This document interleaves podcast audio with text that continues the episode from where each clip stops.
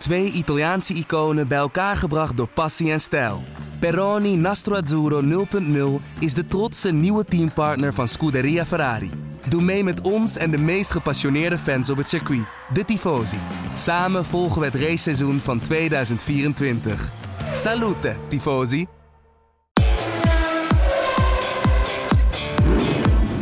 Dit is de Formule 1-podcast van De Telegraaf. Erik van Haren en Christian Albers praten hierbij over het belangrijkste Formule 1-nieuws. Ja, goeiedag, daar zijn we weer. Uh, Christian, veel coureurs die zeiden dit weekend dat het een tricky uh, circuit was. Had jij zelf ook een tricky weekend thuis in Monaco of uh, viel het mee? Nou ja, ik zat gewoon op de bank, dus ik moet je eerlijk zeggen, ik had geen problemen. En ik had de televisie aan en het was ja. ongelooflijk slecht weer. Het regende keihard in Monaco, dus mm -hmm. toen dacht ik bij mezelf, zit ik nou in Nederland of zit ik nou in Monaco? Ik weet het verschil niet meer. -huh. Um, maar ik vond het wel echt een gave race. En um, ja, vergeleken met ja, wat ik veel gehoord heb uh, van analisten en anders vonden ze het een beetje weer saai en ja, Mhm. uh, weinig grip op het circuit. Maar dat weinig grip, dat zorgt er juist voor dat je een stoere race krijgt. Want daardoor krijg je inhaalacties en je krijgt gevechten zoals bij de start. Dus ja, Ja. ik moet je eerlijk zeggen, ik vond het cool. Ja, het leuke zit hem toch ook in het onverwachte. Want niemand wist eigenlijk wa- wat je kon verwachten in Portimao. Over regen gesproken, dinsdag had het ook de hele dag keihard geregend. Hè. Ze waren er op het circuit ook niet echt eh, klaar voor. Want het eh, accreditatiecentrum was helemaal overstroomd. Dus dat hebben ze nog verplaatst. Eh, zondag na de race ging het ook nog hard regenen. Tijdens de race ook al wat druppels. Maar ja, dat maakt het ook nog wel interessant. Maar ik vond het, ja, dat circuit alleen al, als je die plaatjes zag, ook vanuit het mediacentrum gezien, al die, ja, dat heuvelachtige circuit waar we het vorige week al even eh, op voorhand over hadden. Ja, in, in ook een prachtige omgeving. Maar ja, wat mij betreft komt de Formule 1 daar eh, snel weer terug. En dan zul je natuurlijk veel mensen zeggen van, ja, je kan niet inhalen. Maar ja, op hoeveel circuits kun je nou nog wel inhalen met deze auto's? Oh, ho, ho, excuse me. Ik bedoel, hoezo kan je niet inhalen? Volgens mij hebben we nog nooit zoveel inha- inhaalacties gezien. Nou, nog nooit zoveel. Stroll probeerde het ook nog een keer ergens, maar dat ging niet helemaal Nou ja, ik vond, ja dat, vond, dat, begreep, dat begreep ik ook niet. Dat iedereen begon af te zeiken eh, dat Stroll het zo verkeerd doet. Maar weet je, hoe vaak krijg je een kans in een Formule 1-auto als je erachter zit om hem ernaast te zetten? Mhm. Dat, kan je, dat, dat, dat komt in een race ook niet veel voor. Weet je? Het is allemaal niet zo makkelijk om er voorbij te gaan. Maar als ik ga kijken naar de race, kijk even de eerste ronde met de start. Ja. Nou, volgens mij heb je zoveel Nee, inhaal, inhaalacties in de gezien ronde, In, de eerste ronde. Ik denk dat iedereen Daarna- gek werd. Daarna zie je een inhaalactie van Lewis op Bottas. Mhm. Ja, iets, iets verderop. Ja, iets verderop. Ja. Ja, dan Ja. Is, krijg je Perez. Die is niet door het hele veld heen gegaan door pitstops. Mhm. Die heeft echt wel wat mensen ingehaald. Mhm. Eh, eh, kijk even Kimi Räikkönen. Die gewoon van P16. Hè, die is 41. Dus ik denk dat ik weer gewoon moet gaan beginnen. Ja. Moet je al Je de helft van, helft van het talent van Räikkönen. ja, je hebt net ook hard gelopen, toch? word ik nog elfde. Ja. Dus je- Dat was geen succes. Nee, maar los daarvan, ja, maar als je alleen al die onboard ziet. Kijk, dat Sainz in één keer op kop rijdt. Dat, dat die Norris ook een geweldige start heeft. Om daar even mee te beginnen. Wat, hoe kan het nou dat die McLaren's zo goed wegkomen? Die, die starten natuurlijk op die softband, net zoals Verstappen. Hè, en Mercedes op die mediumband. Heb jij daar een verklaring voor? Hebben zij dan toch beter Ja. die banden op temperatuur? Ja, die hebben nou, die, eigenlijk, dat heeft niet zo heel veel te maken met de auto's. Ehm, het heeft meer te maken met die opwarmronde naar de start toe. Mhm. En eh, dan merk je toch dat eh Lewis, hè, die staat, of de, Lewis staat eerder stil, Bottas, Max en de rest komt daar achteraan. En die hebben net die eerste, weet je, die, of die laatste 10, 15, 20 graden misschien meer Mhm. in hun banden. Hè, omdat de startsignaal eerder op groen is. Terwijl hun al heel lang aan het afkoelen zijn. En dan de wind, die ook dan nog eens een keer waait, natuurlijk over die banden heen. Dus het is heel moeilijk om die temperatuur te houden. En dan zie je dat de auto's die op soft, gestarten, eh, die op soft gingen starten, die vooraan staan, dat die natuurlijk sneller afkoelen. En de auto's die als laatste op de grid komen en hoe sneller het, eh, het startlicht op groen gaat, des te meer temperatuur ze nog hebben. Kijk, en als je dan van start gaat en je hebt die extra 15, 20 graden, en je komt door die eerste snelle bocht heen, dan ben je weer aan het schrubben als het ware. Dus creëer je weer bandentemperatuur. Ja, en dan komt die sneller op die temperatuur. En dan zie je echt het verschil van, van, van, ja, van bandentemperatuur van auto's. En dat zag je bij de McLaren. En dat zag je helemaal natuurlijk bij Rijkonen. Kijk, als je teruggaat naar Rijkonen, Mhm. die natuurlijk als 16e op de grid kwam. Dat was eh, op het moment dat hij stil gaat staan. Ja, dan gaat eigenlijk al ja, binnen een paar seconden gaat het licht eigenlijk al, weet je wel, die gaat al aan. Ja, Hè, om, om- omdat hij om- achteraan... eh, ja. ja, omdat hij achteraan staat. En de tweede is natuurlijk ook in Formule 1. die auto's kunnen niet uh, eeuwig lang stationair blijven draaien. Want die moeten, die moeten wind hebben door de sidepods om natuurlijk die motoren te koelen. Dus ook de, de, de wedstrijdleiding natuurlijk, die weet van oké, we kunnen niet te lang iedereen laten wachten. Want anders hè, cancelen ze de start. Dan mag je van, van, van de startgrid afgaan. Dan krijg je weer een ronde naar de grid om die motoren af te koelen. Dus ja, je krijgt Rijkonen, die komt als laatste. je hebt Norris en Sainz, die, die, die zitten een beetje... Ik geloof dat ze bij uh, 8, 9 of zo ja, waren, 7, en 8. Ja, Nou, dat betekent dus eigenlijk dat Hamilton al stilstaat. Bottas staat er stil, Verstappen staat stil... Leclerc staat stil, Perez, Albon... En dan komt pas Sainz en dan komt pas Norris en Gasly. Ja, mhm. die stonden allemaal op andere compound. Ja, en dan krijg je in één keer dat verschil in bandentemperatuur. Ja, en, en, en, en Kimi, om daarover is dat dan toch... Ja, misschien maak ik het te groot hoor, maar eh, dat zou ook de klasse van de coureur zijn. Maar dat je dat soort momentjes als een Rijkonen ook nodig hebt, natuurlijk het hele jaar in de achterhoede, dat je denkt van, hé, hey, ik kan het nog. Ja, dat is geweldig voor hem natuurlijk. Ja, Rijkonen is altijd iemand geweest. Het is gewoon een natuurtalent, waar we het over gehad hebben. Die heeft dat gewoon. Die heeft vroeger altijd zo natuurlijk. Ja, in Finland had je natuurlijk nooit grip. het is altijd koud daar. en je reed altijd in de regen. Dus daar zie je ook het talent natuurlijk waar het vandaan komt. Dat zie je eigenlijk ook bij Max. Max heeft ook al veel in de kart gezeten in de regen. Je ziet als het gaat regenen dat daar echt die talenten boven komen drijven. Letterlijk en hè, boven het water. Ja, mm. en dan eh, en, en, en Rijkonen, ja, die staat dan als laatste stil. Die heeft natuurlijk een super opwarmronde. Hè. Die kan echt de rem erop houden. Die kan uh, slalommen om die bandentemperatuur erin te krijgen. Ja, en dan heb je eigenlijk alleen maar de rest. Hè. Grosjean, Magnussen en, en Latifi, die, die, die, die, uh, die, die, die komen achter hem. Die staan redelijk snel stil. En dan gaat, en dan gaat het verstart. En dan zie je echt het verschil in bandentemperatuur. Hoe die er doorheen snijdt, weet je. Het is net een warm mes door de boter. Hij kan overal, je ziet ook dat hij de buitenlijnen kan nemen. En dat is zo leuk van dit circuit. iedereen zegt van ja, het is allemaal low grip en het is niet leuk. of tenminste, er wordt weinig ingehaald. ik vond dat er superveel werd ingehaald en ook superveel acties waren. Waar ook coureurs naast elkaar door de bochten konden rijden. En dat is normaliter, heb je dat absoluut niet. Omdat je daar altijd marbles hebt. Hè? Dus uh, je hebt altijd het, dat rubber wat er ligt aan de zijkanten. Mm. En als je daarover rijdt, dan is het spiegelglad. En vlieg je er ook af. Alleen op dit circuit had je dat niet, omdat er gewoon minder klasses reden hè, en, en, minder Formule 1 gereden had en dat ook nog gerekend, geregend had. Ja. Dus dat zijn de. En uh, de as, het asfalt was recent, echt heel recent neergelegd. En je had inderdaad geen. Ja, en dat is zo positief. En daarom krijgen die strijd ook dat ze naast elkaar door de bochten kunnen. Dat het accelereren eigenlijk bijna hetzelfde is van beide auto's als ze accelereren. Oké, de ene kan meer het stuur recht doen, hè, waardoor die sneller op het gas gaat als de ander.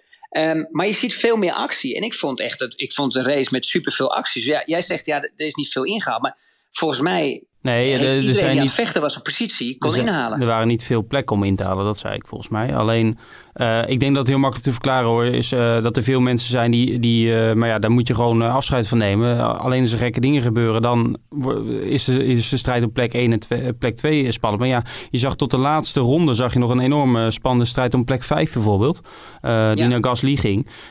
dus ja, laten we daar ook blij mee zijn. Kijk, dat een Gasly weer vijfde wordt, dat, dat, dat Sainz even eerste rijdt en uiteindelijk zesde wordt uit mijn hoofd. Uh, ja, je hebt daar in ieder geval een enorm spannende strijd. Kijk alleen maar even hoe dicht het bij elkaar staat in het uh, constructeurskampioenschap. Als je naar de teams kijkt uh, voor, voor plek drie. Hè? Achter uh, Mercedes en Red Bull. Dat zegt natuurlijk al, al genoeg. Leclerc trouwens wilde ik ook nog even met je over hebben. Want daar hebben we het natuurlijk vaak over gehad. Jij snapt soms niet als je naar zijn onboardbeelden kijkt van hoe die nou die snelle rondes eruit haalt. Maar ja, die profileert zich toch steeds beter in die Ferrari. Eh, vierde in de kwalificatie, nu weer vierde in de race. Had het aan het begin ook moeilijk, hè? Werd volgens mij nog ingehaald door Rijkonen. Nou, ik, eh, ik, was weer verbaasd. Ik bedoel, hij doet het gewoon supergoed. Er is niks over te zeggen. Alleen als ik soms naar kijk hoe wild hij is en hoe hij rijdt. Maar misschien is dat de, de, de nieuwe garde wat er aankomt. Hè? De, de, de nieuwe coureurs die toch, andere rijstijlen hebben. En waar, wat de auto dus aan kan blijkbaar. Hè? Of misschien de banden wel, Pirelli. Hè? Misschien dat we straks, als we straks weer naar andere banden gaan... Hè, die nog meer grip hebben kan je dat niet meer veroorloven, hè, zo te rijden. Maar ja, dat zou het misschien ook wel een coureur zijn die zich aan gaat passen. Um, om nog even terug te komen, ook even over die inhaalacties op het stuk, eh, Erik. Mm wat, um, wat zo positief is van het circuit, is dat die ene laatste bocht, hè, omdat daar zo weinig grip is, hè, en dat die dus eigenlijk niet high speed, hè, de laatste bocht is helemaal high speed, dat je vol gas het rechte stuk al makkelijk uh, opkomt. Maar daarvoor kunnen echt auto's dicht achter elkaar rijden, waardoor je dus ook echt die inhaalacties kan krijgen. Dat vind ik wel mooi van het circuit. Weet je wel, het is niet meer echt uh, treintje rijden achter elkaar. Je hebt echt de mogelijkheid om in te kunnen halen. Ja. En dat, dat zijn eigenlijk maar heel weinig circuits in de, uh, circuits in de Formule 1 kalender. Ja, dit was, dat was bocht 14 uit mijn hoofd. Um, wat vond je eigenlijk van... Dat ze hebben het na de vrijdagtrainingen nog aangepast, die track limits. Maar als je vrijdag keek, maar ook zaterdag en ook tijdens de race... Hè, want we zagen ook een paar tijdstraffen vanwege track limits. Uh, hoe kijk jij daarna? Want veel mensen denken van, ja, hoe kan dat nou? Ja, ik vind die track limits vind ik echt zo'n nonsens. Ik vind het echt idioterie. Ik bedoel, weet je, maak het gewoon heel simpel. Leg daar gewoon een strook van uh, twee meter kiezelstenen.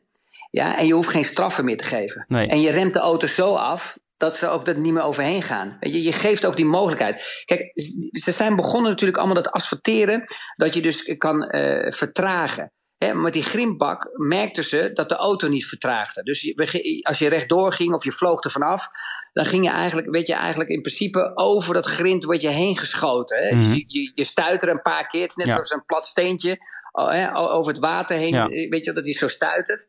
Dus vandaar dat ze toen op zijn gekomen, hey, het is veiliger als er allemaal asfalt ligt. En dat asfalt maken we heel ruw. Dat als je erop komt, hè, dan, dan maak je eigenlijk bijna je banden kapot. Hè, zo, zo agressief is dat. En dan heb je genoeg tijd om bij te sturen en om van die bandenstapel weer weg te komen en weer het circuit op te, te gaan.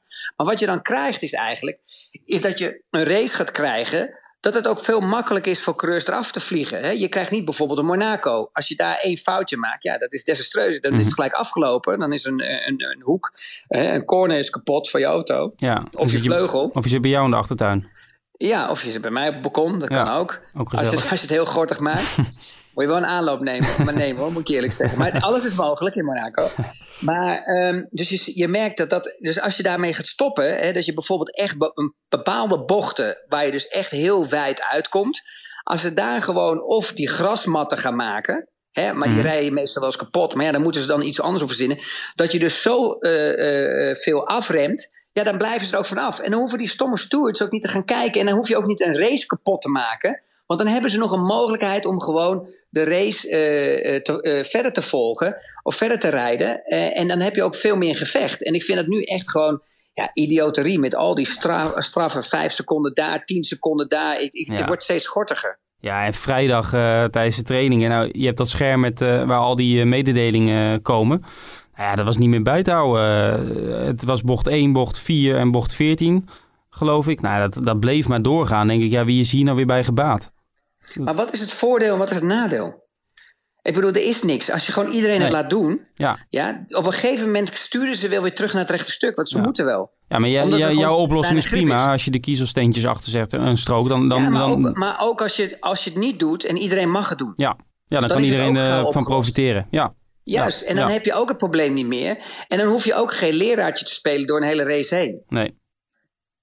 Nee. Um, we hadden het net al even over de compounds, banden. Ik kreeg er een paar vragen over op Twitter van Remco Stolp en Emiel Broeren. Um, heb je er een verklaring voor waarom Max niet, uh, of Red Bull, in, Max in dit geval, niet op de mediums begon? Want dat was toch de beste band bleken. Christian Horner, de teambaas, zei ook dat hadden we moeten doen. Maar dan hadden we waarschijnlijk op de hardste band daarna nog wel terrein verloren op Mercedes. Is dat een inschattingsfout geweest? Nou, ik vind niet. Ik vind als je in zo'n positie bent zoals Max zit en Red Bull zit, dan moet je dingen proberen. Ik bedoel, als je stomweg natuurlijk als een schaap de Mercedes gaat volgen. terwijl, ze, terwijl je weet natuurlijk dat Mercedes de snelste auto heeft. En dat steeds eh, het gat uh, best groot is. Eh, toch altijd nog 6, 17 soms. In qualifying zit hij dan dichter erbij. Maar je zag bijvoorbeeld in de race dat Lewis Hamilton gewoon echt weer genadeloos. Echt gewoon ja. iedereen zo gigantisch de deksel op een neus kreeg. Die, die reed soms gewoon rondes, gewoon seconden sneller ja. in de race. Maar als je, die, als je dus gewoon Mercedes gaat volgen blind, ja, dan heb je natuurlijk nooit een mogelijkheid. Hè. En kijk maar eens, ga maar eens terug naar, naar, naar de Red Bull Ring. Hè, waar Max gewonnen had met op strategie. Hè, en ook op, uh, dat hij daar heel snel was. En ja, de auto was ook wel. Ja, in Silverstone. Dus weet je, ik vind, moet je eerlijk zeggen dat ik dat wel.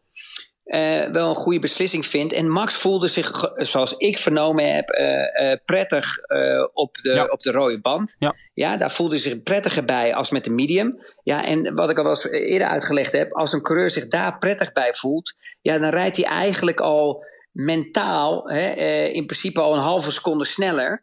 Mm -hmm. per ronde, als dat hij zich niet prettig voelt op een band. Ja. Dus ja, eerlijk gezegd, ja, misschien was medium hè, de betere band om mee te starten.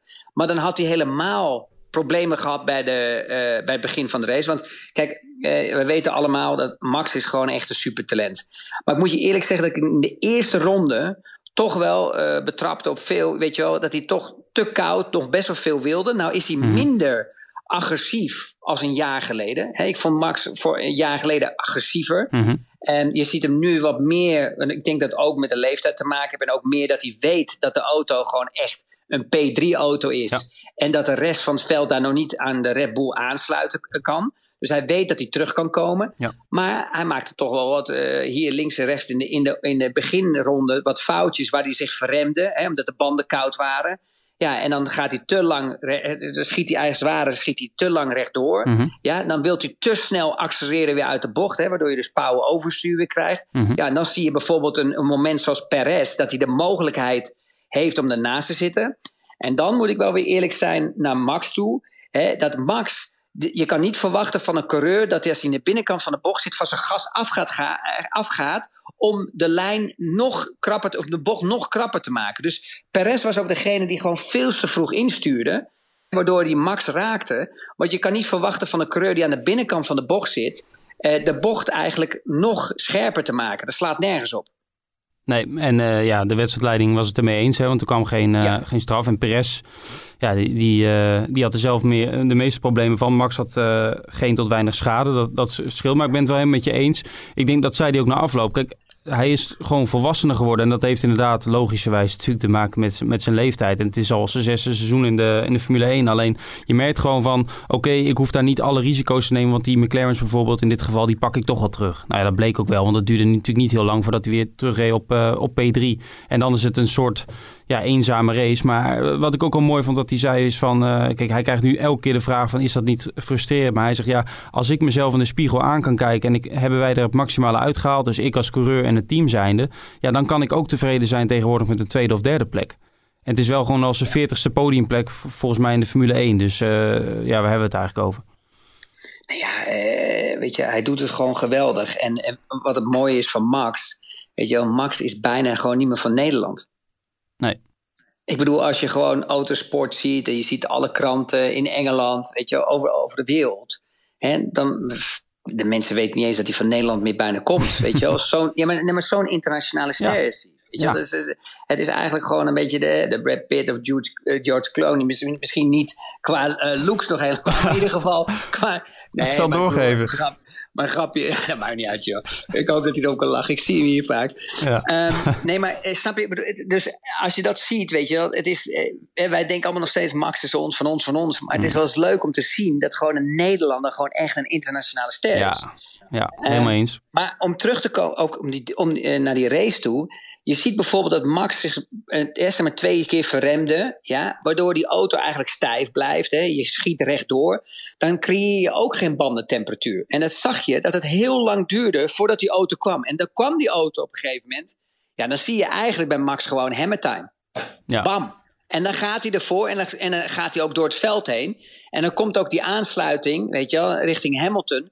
En dan zie je dat hij er ook voor gaat. En toen dacht ik eigenlijk, op een gegeven moment dacht ik van nou, dit zou nog wel eens een race kunnen zijn. Hè, als het race zouden zijn, dat Max wel eens had kunnen winnen. Maar, ja, dat sprak je van tevoren uit. Ik, ja, ik was verrast eigenlijk. Um, um, ja, omdat ik, ik weet wat de ontwikkeling van Mercedes, ik weet hoeveel uh, voorsprong ze hebben vergeleken mm. bij de Red Bull. Maar toch is het een circuit low grip. Ja, uh, waar strategie ook een rol speelt. En waar de rake eigenlijk van de Red Bull ook een rol kan spelen. Weet je wel, dat hij meer pointy is, dat ja. hij beter in kan sturen. Vergeleken bij de Mercedes. Maar ja, toch als ik zo uh, Lewis zag rijden door de race heen. Ja, het was echt. Het is, uh, eigenlijk was het gewoon uh, schaammakend voor, de, voor, voor nummer 2 en nummer 3. Ja, vooral voor de nummer 2. Ja, vooral nummer 2 die Want, hetzelfde materiaal rijdt. Ja, exact. Um, over Hammertime gesproken, over Lewis. Um, ja, die blijft wel gewoon pushen. Hè. Kijk, hij gaat natuurlijk uh, voor de zevende keer wereldkampioen worden. Waarschijnlijk al uh, in Istanbul over een paar weken. Um, maar je merkt wel dat daar zit geen enkele vorm van... oké, okay, ik uh, het komt al goed, ik, ik haal er niet het maximaal uit. Dat, dat is toch nee, wel... Maar je denkt ook niet zo, Erik. Nee. Als je in de auto zit, dan, dan is het iets waar je voor leeft. Ja. Weet je wel, dat is een stuk emotie, passie, alles bij elkaar is een mix. Is een stuk, je krijgt een stuk, ik was eerder zei, een soort kippenvel. En het is eigenlijk, je race tegen jezelf. Je ziet het dashboard, je ziet de tijden. je wilt laten zien dat je de man bent. Mhm. Je wilt Ja. beuken, je wilt laten zien dat je de man bent, dat je, dat je de beste bent in de wereld. Ja. Dus je gaat jezelf ook eh, continu verbeteren. Je gaat steeds beter rijden. Je gaat je steeds meer focussen. Je gaat steeds later remmen, maar ook vroeg remmen. Of dat gevoel heb je erbij. Je gaat steeds meer tegen die itch. Dat je de achterkant voelt rollen naar overstuur. Maar dat je hem net daartegen pakt. Weet je, net iets langzamer weer eh, eh, vertraagt. Dat hij net niet naar overstuur gaat. Weet je, dat limiet ga je opzoeken. Want dat, dat is de sport. Dat is gewoon de kick. Dat als je over de start-finish komt. Dat een Toto Wolff, een Bono. Al die gasten op die pitmuur zien van bam. Zie je, dit is echt gewoon, dit is gewoon echt een wereldkampioen. Dit is een natuurtalent. Ja. Die zijn tijd continu kan verbeteren. En dat hebben we gezien. Ik bedoel, je ziet op een vrijdag en op een zaterdag die Bottas die rijdt ja, het licht uit zijn ogen. Ja, en op een zaterdag qualifying dan komt hij weer, Ja. Lewis. Dat is net zo'n beetje zo'n Ricciardo-actie. Ja, met Ja. die laatste ronde, boom, daar staat hij ervoor. Dat is Ja. de eerste klap al mentaal. En dan denkt Bottas, die rijdt vooraan in de race. Lewis laat hem een beetje gaan. Hij gaat, je ziet dat Bottas pusht als een dolle. Dan zie je in één keer, lap 21, zie je in één keer dat Max zelfs sneller is als Bottas. Mhm. Ja? Dat Bottas helemaal zijn banden opbranden is. En dan gaat Lewis er voorbij. Hè, wat op andere circuits heel moeilijk is. Hè, dus dat vind ik juist het leuke van het circuit. En dan rijdt hij weg. Ja, en dan krijgt hij op die, na, die, na de eerste pitstop. Ja, dan krijgt hij zo'n pak op zijn sodemieter. Dat gaat echt nergens over. Ja, en Bottas die... eh, ja, dat, volgens mij hebben we dat eerder ook in Mugello gezien. Die dan over de boordradio nog vraagt om een andere bandenstrategie. Hè, dat hij dan over zou gaan op softs in plaats van hard. Eh, wat overigens weer niet werd gehonoreerd door Mercedes.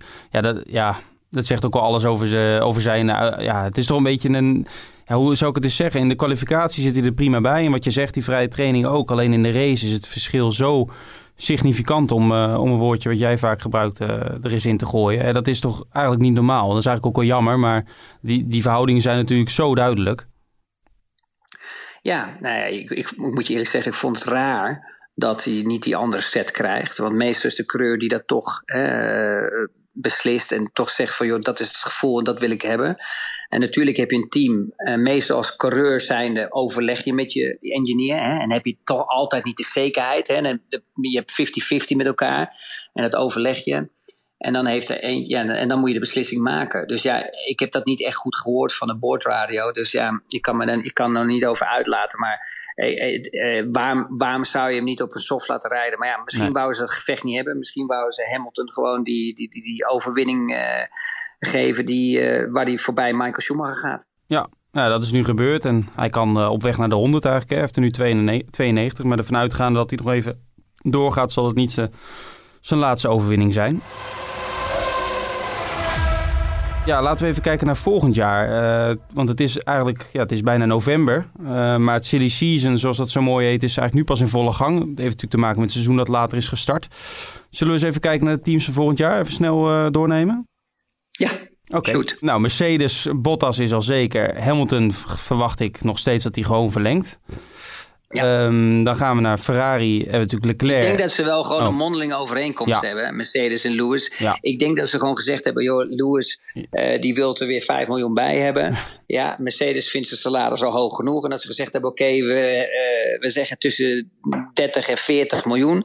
Ik noem maar wat. Mhm. Eh, en daar komen we al ergens eruit. Ja, en ze Die wachten even tot wel. en ze wachten, denk ik, tot, tot hij wereldkampioen is. Met de bekendmaking. Zoiets zal het wel worden.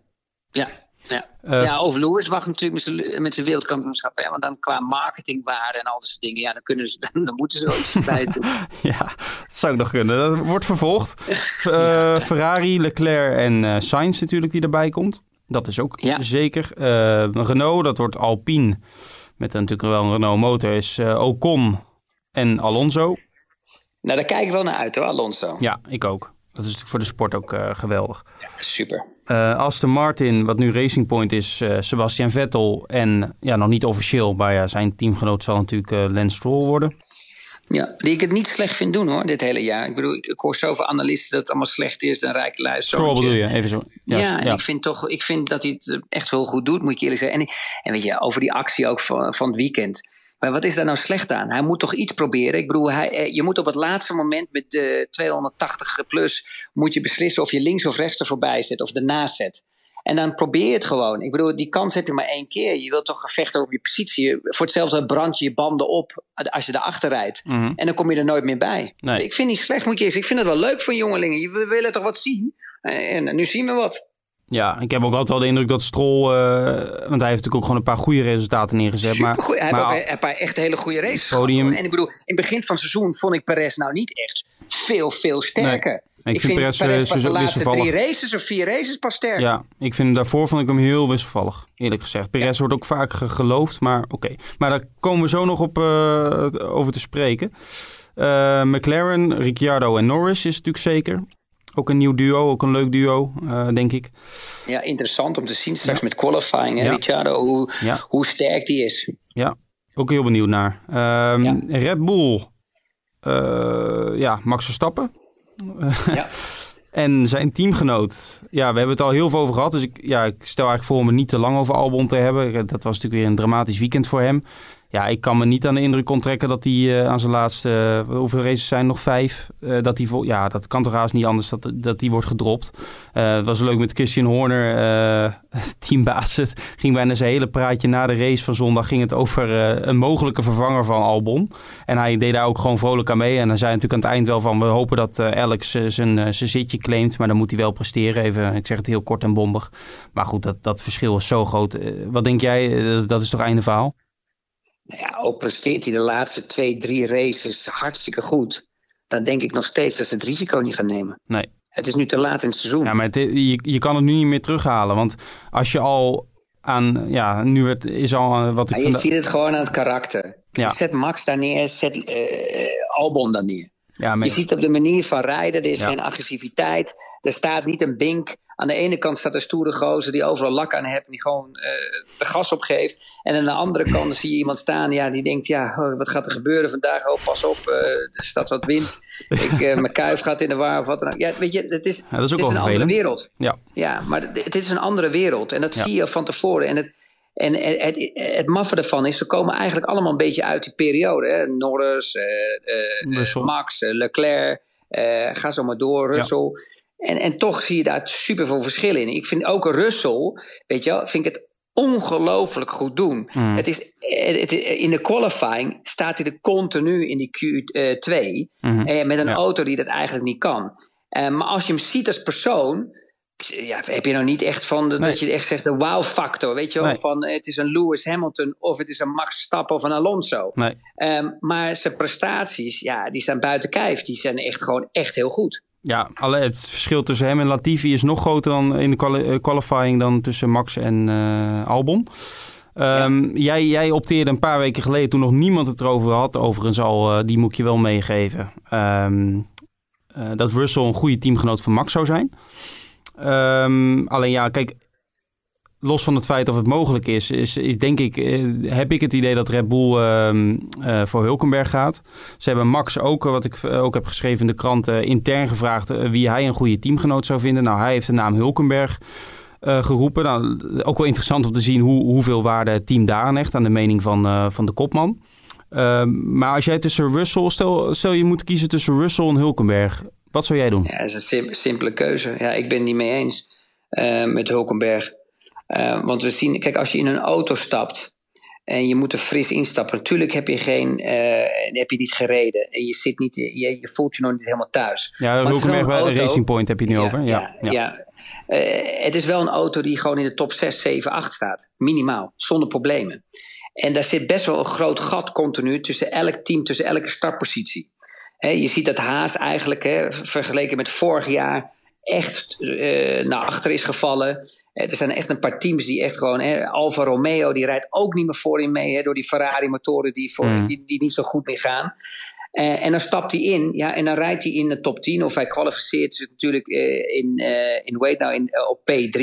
Eh, daar Silverstone, reed dan ja. Stroll, ja, Silverstone. Eh natuurlijk, dat is een, een, een goede prestatie. Maar als je gaat kijken door, het hele, door zijn hele carrière, is het nooit echt gewoon een supertalent geweest. Nee. Hij is wel een talent, maar het is geen supertalent geweest. Nee. En als je gaat kijken toen hij naast Ricciardo reed, heeft hij daar ook gewoon een pak slaag gehad, op uh, billenkoek gehad. Ja, Eh, dus 14, eh, 14-7. 14-7. Ja, in de Ja, qualifying. 14-7. Eh, Erik, 14-7, dat is toch wel behoorlijk. je zag dat hij op belangrijke momenten maakte die fouten waar hij echt serieuze punten kon scoren hè, of op een podium kon komen. Mm. waar de mogelijkheden waren. Dus daar onder druk maakte hij ook fouten.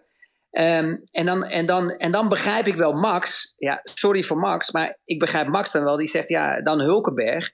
Want ja, als ik Max zou zijn, zou ik precies hetzelfde zeggen. Want je weet als Max zijnde dat je Ricciardo verslaat. Dan mhm. moet ik eerlijk zeggen dat ik niet denk dat Max voor andere coureurs bang is. Ja, maar het is ook wel een lekker gevoel om dat in je hoofd te hebben, mentaal. Hè? Dat je weet dat Ricciardo uh, uh, Hulke, Hulke heeft verslagen, Hulkenberg verslagen heeft. Mhm. Ja, en dan zou ik daarover kiezen. Maar als je gaat kijken naar puur performance, ja, dan zeg ik: oké, okay, Russell.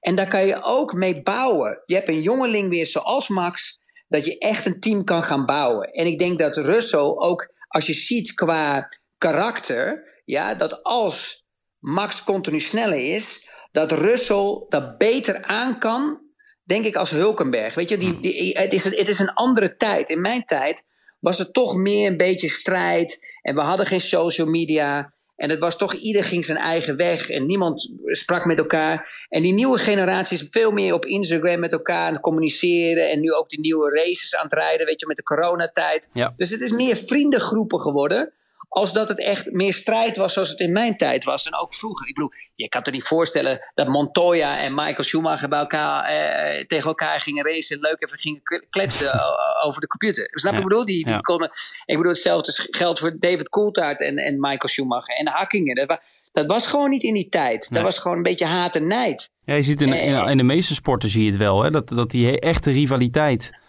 uh, afneemt. Laat ik het zo zeggen. Vind ik wel jammer, want het geeft wel een stukje emotie nog extra. Ja. het is niet nodig, hè, dat laten we voorstellen. Misschien is dit beter, hè, dat, het, dat het meer op een vriendbasis gaat.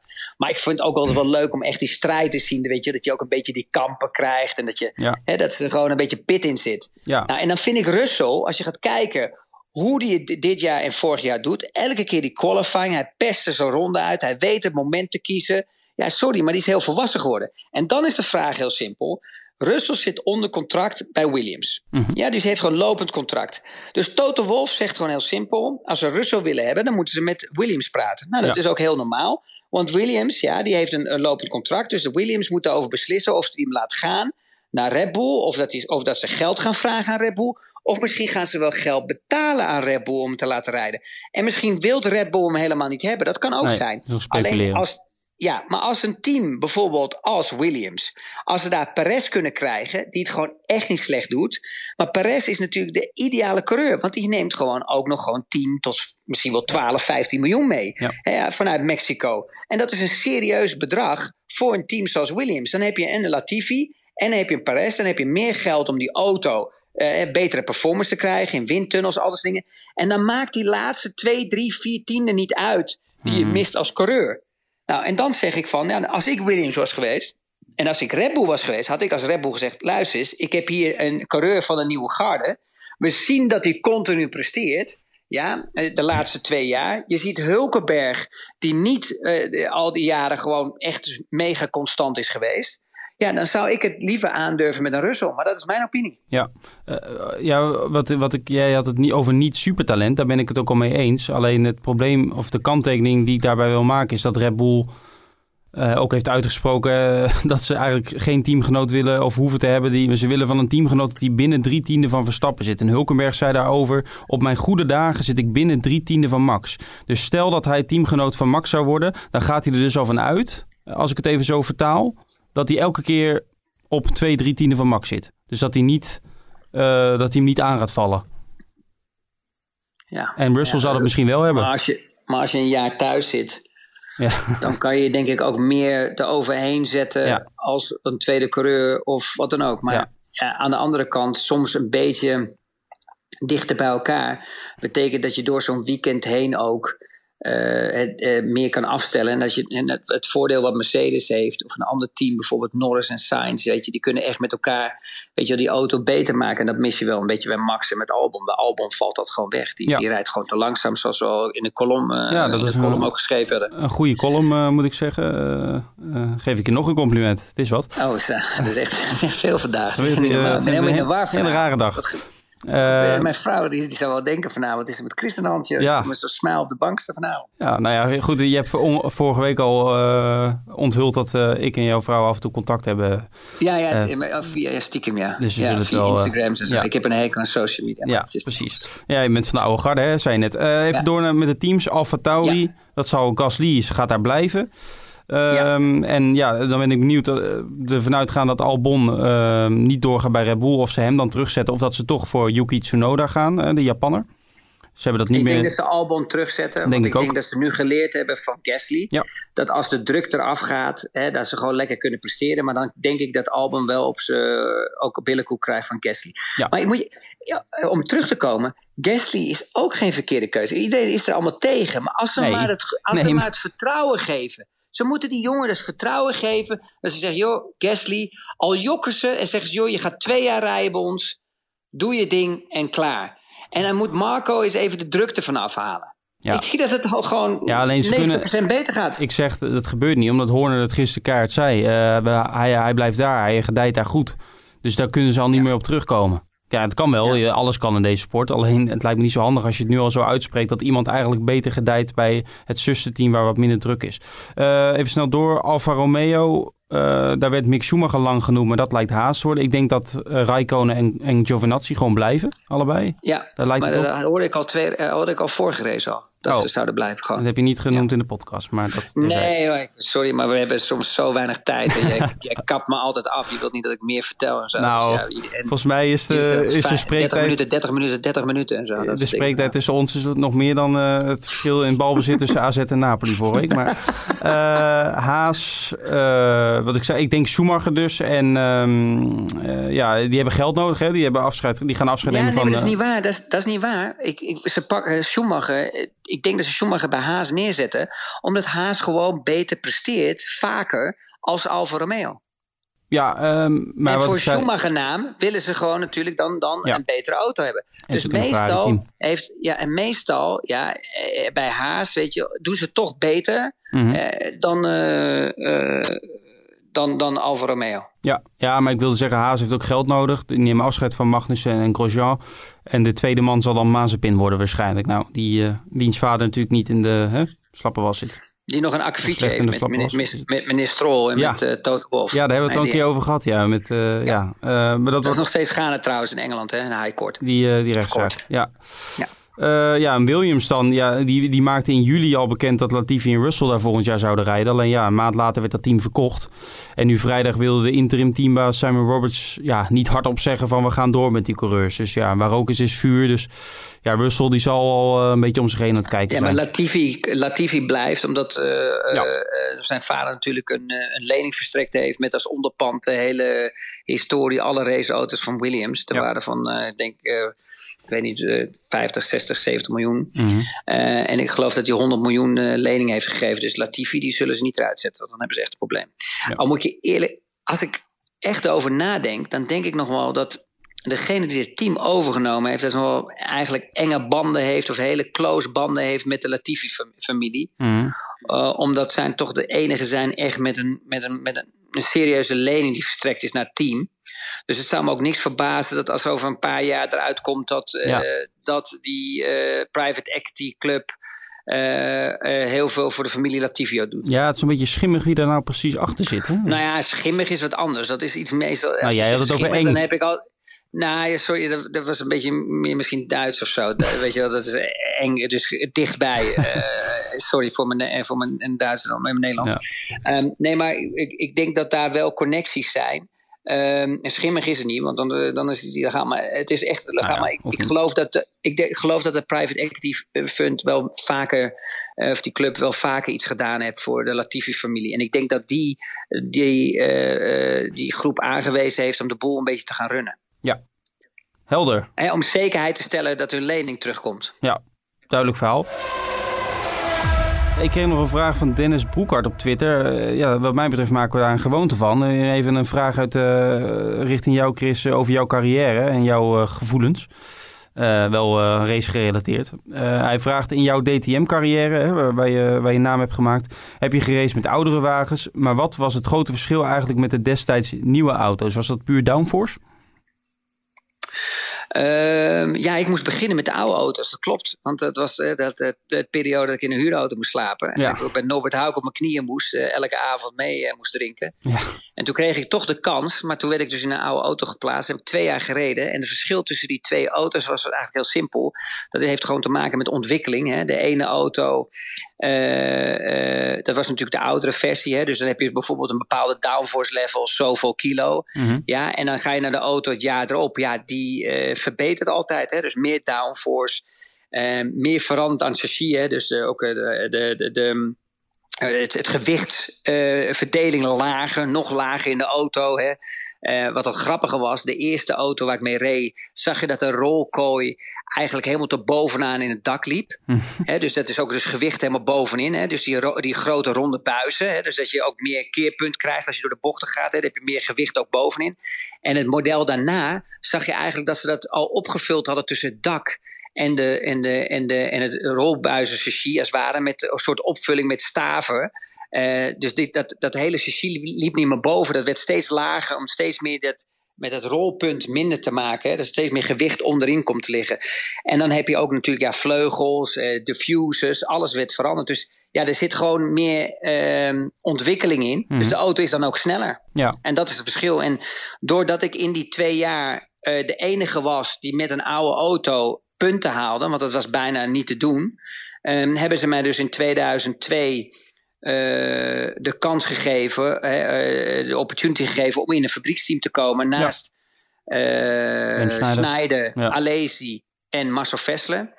En ja, wat ik de vorige keer al zei, dat was best wel grappig, want dat was pas 2003. En ik had dus in 99 al de aanbieding naast uh, uh, Bernd Schneider te gaan rijden in het fabrieksteam. En toen zei ik nee, het is beter om Formule 3000 te gaan rijden. Dus dan kan je zien dat ik eigenlijk gewoon drie jaar weggegooid heb. Ja. Hè, door eigenwijs een andere klasse te kiezen. Ja, dus die eigenwijsheid die van jou kennen, dat is eigenlijk al van alle tijden. Ja, ja, dat is wel zo. Maar ja, aan de andere kant heeft eh, DTM me wel gebracht dat ik de stap kon maken naar Formule 1 natuurlijk. Want ik had daar het salaris en de rust. En daardoor kon ik een team om me heen bouwen om, om sponsorship te vinden om naar Formule 1 te gaan. Ja, Dennis vraagt ook nog waar heb je het meeste spijt van in jouw uh, carrière, autosport? Ja, misschien. Ja, nee, ik heb ja, spijt van mezelf of gewoon bad luck. Ja, de bad luck is natuurlijk dat ik dat, dat Barrichello terugkwam, hè, dat hij vol Honda ging rijden. Ja. Want uh, ja, daar was ik gewoon echt, echt goed onderweg met Nick Fry om een contract te tekenen. en dan, dan, dan mijn carrière. Nee, maar dat had mijn carrière er heel anders uitgezien. Uh, en, en daardoor moest ik uh, eigenlijk ja, geforceerd naar Midland. Ja. Ja, en wat is dan ja, de slechtste keuze geweest? Ja, kijk, ik vind, er is nooit echt een slechte keuze. Het is altijd makkelijk achteraf praten. Maar ik moest een keuze maken. Kijk, ik ben begonnen als klein, eh, als klein jongetje, als een droom dat ik Formule 1 wou rijden.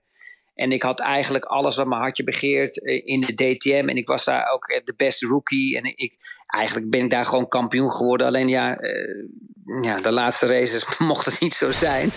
Maar, Met de pitstop. Nou ja, ja, dat, zijn, ja, dat kan iedereen ook wel zien op televisie. Het is niet zo moeilijk natuurlijk. Ik bedoel, er zijn maar weinig mensen die een pitstop maken en dan uh, gelijk de buitenrij een klapband hebben met, twee, met vier nieuwe banden.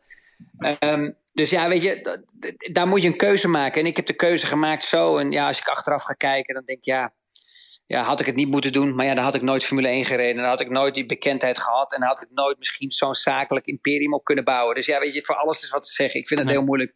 En dat blijft altijd moeilijk. Achteraf is het makkelijk praten. En uh, als je een andere keuze had gemaakt, hadden we ook deze podcast niet opgenomen misschien. Dus uh, hè?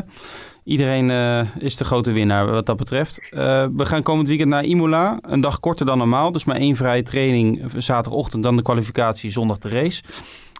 ja, jij hebt natuurlijk gereden in de Formule 1. wat is het voor ja. circuit? Wat, wat waren jouw ervaringen?